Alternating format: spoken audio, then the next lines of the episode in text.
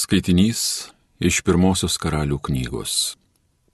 Kai Saliamonas ėmė senti, jo žmonos sugundė jį garbinti svetimus dievus, tad jis nebebuvo visa širdimi atsidavęs viešpačiui savo dievui, kaip jo tėvas Dovydas. Jis garbino sidoniečių deivę Astartę ir amonitų dievaitį Milkoną. Darė, kas viešpačiui nepatiko.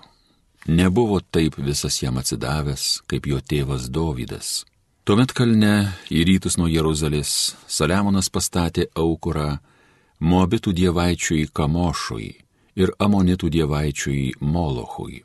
Ta pati padarė dėl visų svetimtaučių žmonų, kurios aukojo saviesiems dievaičiams smilkalus ir pjaunamasias atnašas. Todėl viešpats užsirūstino ant Saliamono, kad jo širdis nusigrėžė nuo jo Izraelio dievo kuris jam du kart buvo apsireiškęs ir uždraudęs svetimiems dievams tarnauti. Deja, jis to nesilaikė, ko viešpats iš jo reikalavo, todėl jam viešpats prabilo, kadangi tu šitaip darėjai, kadangi sulaužiai mano sandorą ir nesilaikiai įsakymų, kurias aš tau esu davęs, tai aš atimsiu iš tavęs karalystę ir ją tavo tarnoje atiduosiu. Tik tai tavo tėvo Dovydo dėliai aš to nedarysiu gyvam tau tebesant, tik tai iš tavo sūnaus ją atimsiu. Vis dėlto aš ne visą karalystę iš jo išplėšiu, aš tavo sūnui dar paliksiu vieną giminę, mano tarno Dovido ir mano išsirinkto miesto Jeruzalės dėliai. Tai Dievo žodis.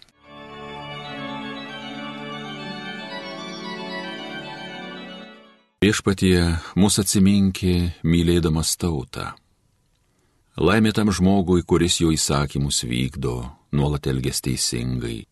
Viešpatie, atsiminki mane, mylėdamas tautą, lankyki mane savo pagalba. Viešpatie, mus atsiminki, mylėdamas tautą. Jie su pagonėmis ėmė maišytis ir jų jų darbus išmoko daryti. Jie jų padirbtus stabus ėmė garbint, kilpa tuo savo užsinėrė. Viešpatie, mus atsiminki, mylėdamas tautą. Jie ėmė savo sūnus aukoti ir savo dukras nelabajam. Viešpaties rūstis įsiliepsnojo prieš savo tautą, bjaurūs tapo jam savi žmonės. Viešpatie atsiminki, mylėdamas tautą. Alleluja.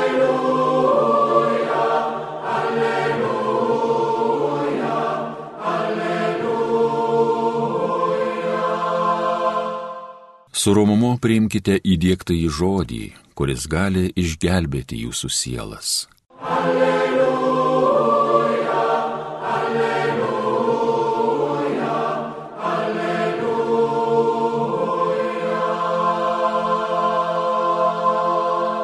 Iš Evangelijos pagal Morku. Jėzus nukeliavo į Tyro ir Sidonos rytis. Užėjęs vienus namus, jis norėjo, kad niekas apie tai nežinotų bet jam nepavyko to nuslėpti. Išgirdo apie jį moteris, kurios duktė buvo apsėsta netyrosios dvasios. Atėjo ir puolė jam po kojų. Moteris buvo graikė, kilimo sirofenikietė. Ji maldavo išvaryti iš jos dukrelės demoną. Jėzus tarė jai, leisk pirmiau pasisotinti vaikams juk negražu imti vaikų duoną ir mesti šunyčiams.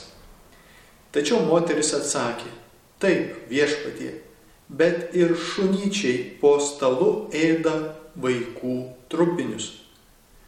Tuomet jis tarė, dėl šitų žodžių eik namo, demonas jau išėjęs iš tavo dukters. Parėjusi namo, ji rado savo mergaitę gulinčią patale ir demoną pasišalinusį.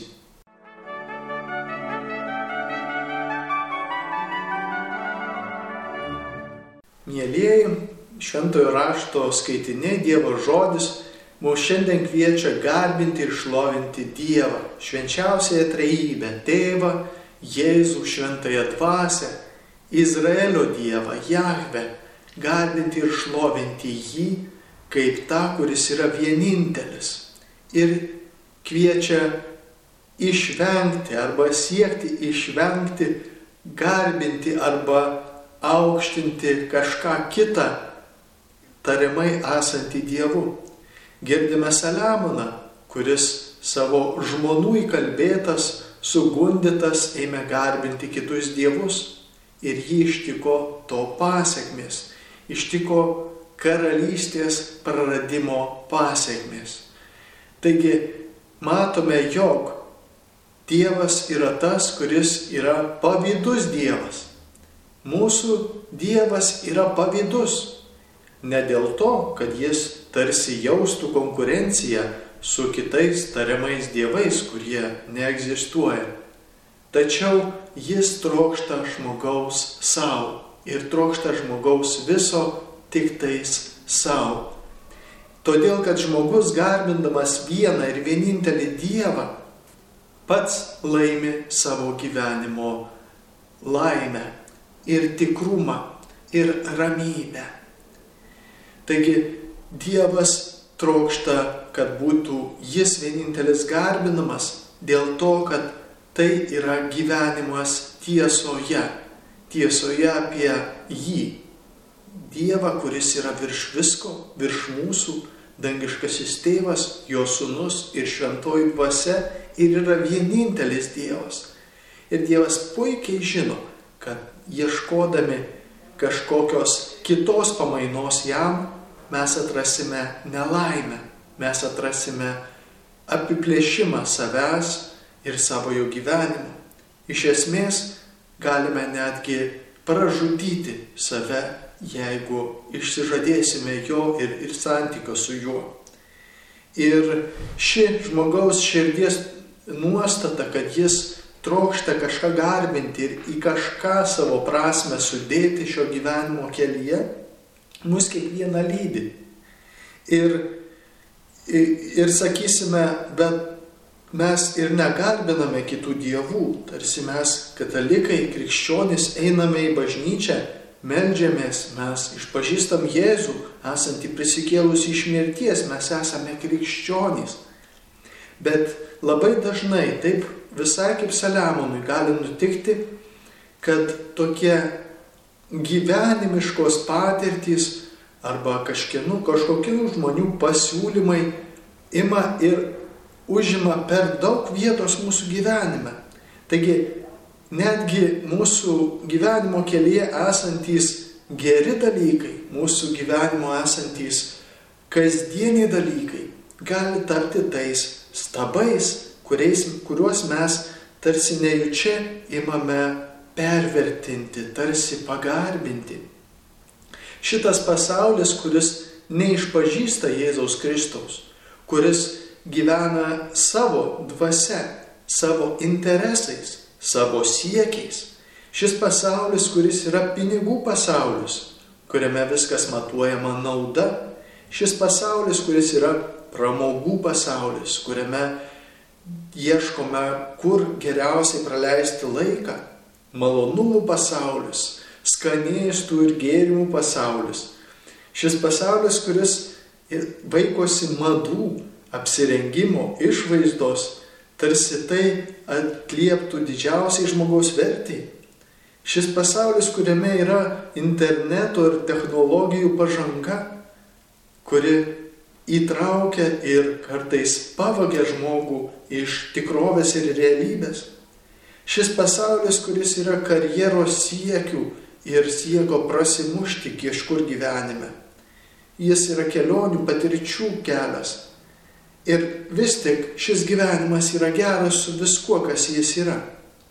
Tačiau mūsų širdis, į ką linksta mūsų širdis ir kur rasti tą širdies ramybę, šiame pasaulyje ir jo kelyje nėra gana žmogaus širdžiai rasti pilną tikrumą, kas jis yra ir kuo jisai gali savo gyvenimo kelyje tapti, ką patirti, ką įgyti. Taigi Dievą garbinti ir šlovinti yra šis kelias į širdies ramybę, į širdies tikrumą, kad esame jo. Mat instinktyviai mes nujaučiame ir turime tą supratimą, kad savo kūnų mirsime ir nieko nepasiliksime, kas mums priklauso čia, šitoje žemėje. o mūsų sielos ramybė yra suvokimas, jog priklausome vieninteliam Dievui - Izraelio Dievui ir krikščionių Dievui, vienam trejybėje viešpačiui, to, kuris siuntė Jėzų mūsų atpirkti, kad esame jo ir nelinkstame į kitus dievus. Kiek žmonių ir šiandien, taip kaip ta moteris sirofenikietė, kažkur pasiduoda svetimiems mokymams, įvairiausiems okultiniams, ezoteriniams, energijų vaikymosi vyksta į kažkokias ypatingas vietas, tariamai pasikrauti energijos iš kosmoso, iš dar kažkur pagal tuos filosofinius modelius tų ideologijų. Ir kaip dažnai nutinka, kad ar juos pačius, ar jų artimuosius ima kankinti demoniškos jėgos. Taigi tų pavojų yra kelyje daugybė. Ir todėl Jėzus neatsitiktinai, tarsi be maž su pažeminančia nuostata pasako šiai moteriai, leisk pirmiau pasisotinti vaikams, negražu imti vaikų duoną ir mesti šunyčiams. Taigi Jėzus tarsi pasako, tu ateini pas mane pagalbos, nori sveikatos ir išlaisvinimo iš demoniškos įtakos savo vaikui, bet tu nežadi atsiversti į vienintelį Dievą. Kitaip sakant, ne nuo to reikia pradėti. Reikia pradėti nuo atsivertimo į vienintelį Dievą, nuo kurio ima trauktis tos visos blogio kenkimo mūsų gyvenime galios. Ir štai Jėzus tai įvardė labai konkrečiai. Bet ši moteris nusižeminusi, ji nuolanki. Suvokia tikriausiai, kad galbūt irgi dėl šeimos, dėl aplinkos įtakos to laiko moteris dar ir neturėjo tokios identiteto arba laisvės kaip šiais laikais lygiavertiškumo. Dažnai vyravo ta vyriškojo įtakos sfera, taip pat ir žydų tautoje, bet daug labiau pagoniškose tautose. Iš esmės žydų tautoje moteris buvo pilna teisė lygia verti vyro atžvilgių, kai tuo tarpu pagoniškose kraštuose labai dažnai moteris tapdavo beteisė arba su labai menkomis savo teisėmis. Tad ta moteris suvokdama savo padėtį, savo mažumą, savo negalėjimą kažką pakeisti, išpažįsta taip, net ir šunyčiai viešpatie, bet juk ėda nuo vaikų stalo trupinius. Nuo vaikų, nuo Dievo vaikų, nuo tos įsūnytosios Izraelio tautos vienintelio Dievo jinai tarsi tuo išpažįsta, jog tiki, kad yra vienintelis Dievas ir Izraelio Dievas yra tikrasis, tačiau nepajėgia arba neturi valios ir galimybių tą pakeisti. Ir vis tik viešpats atsiliepia jai ir išklauso jos maldą.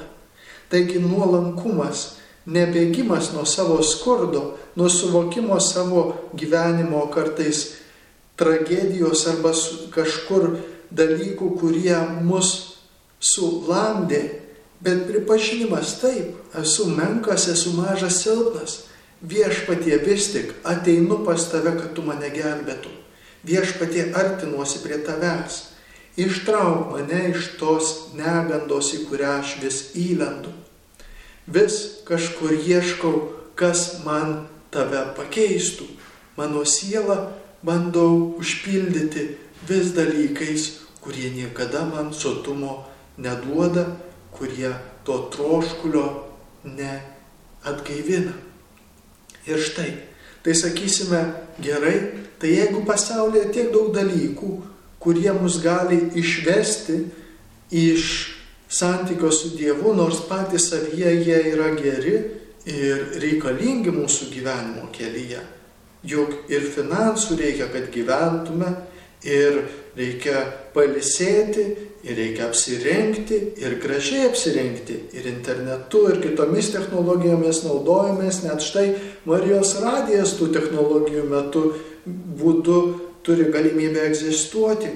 Ir daugybė dalykų mūsų gyvenime yra gera.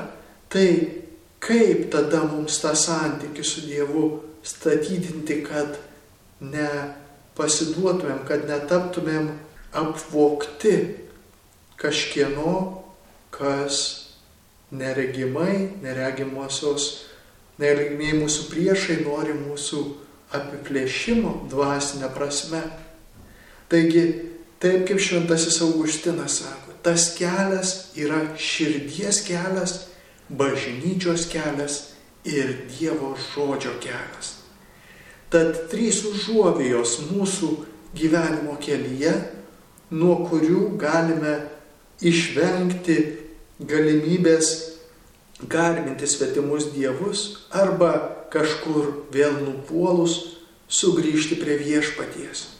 Tai yra bažnyčia, tai yra bendruomenė, kurioje visada yra Jėzus.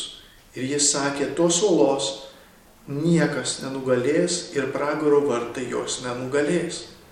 Antras kelias arba antra užuovėja yra šventasis raštas, Dievo žodis šio gyvenimo melų ir interesų ir komercijos, kur mus kažkas bando nupirkti ir papirkti savo pasiūlymais, Dievo žodis yra išlaisvinantis ir statydinantis.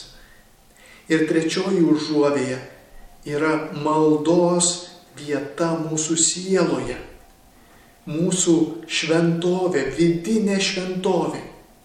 Mat daugeliu atveju mes melžiamės maldomis, gal lūpinamis maldomis žodžio malda ar dar kuria malda, bet pamirštame, jog Dievas yra mūsų sielos gelmėje, esame pakrikštyti Dievu ir Dievas yra apsigyvenęs mumyse.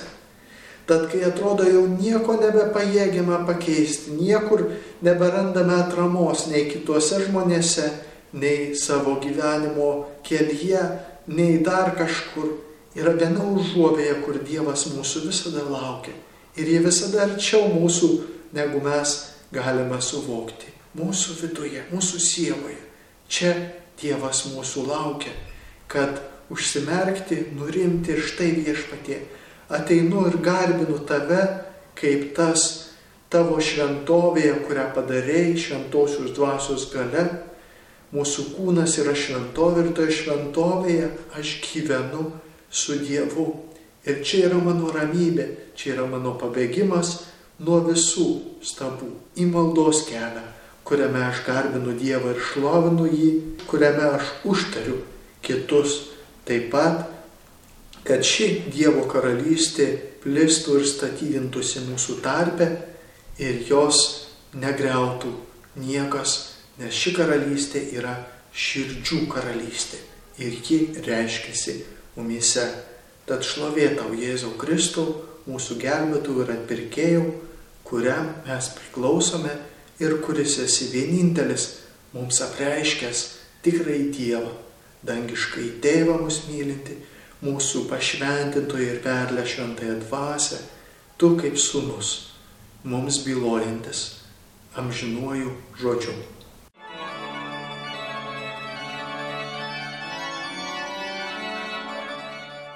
Homilija sakė kunigas Andrius Končius.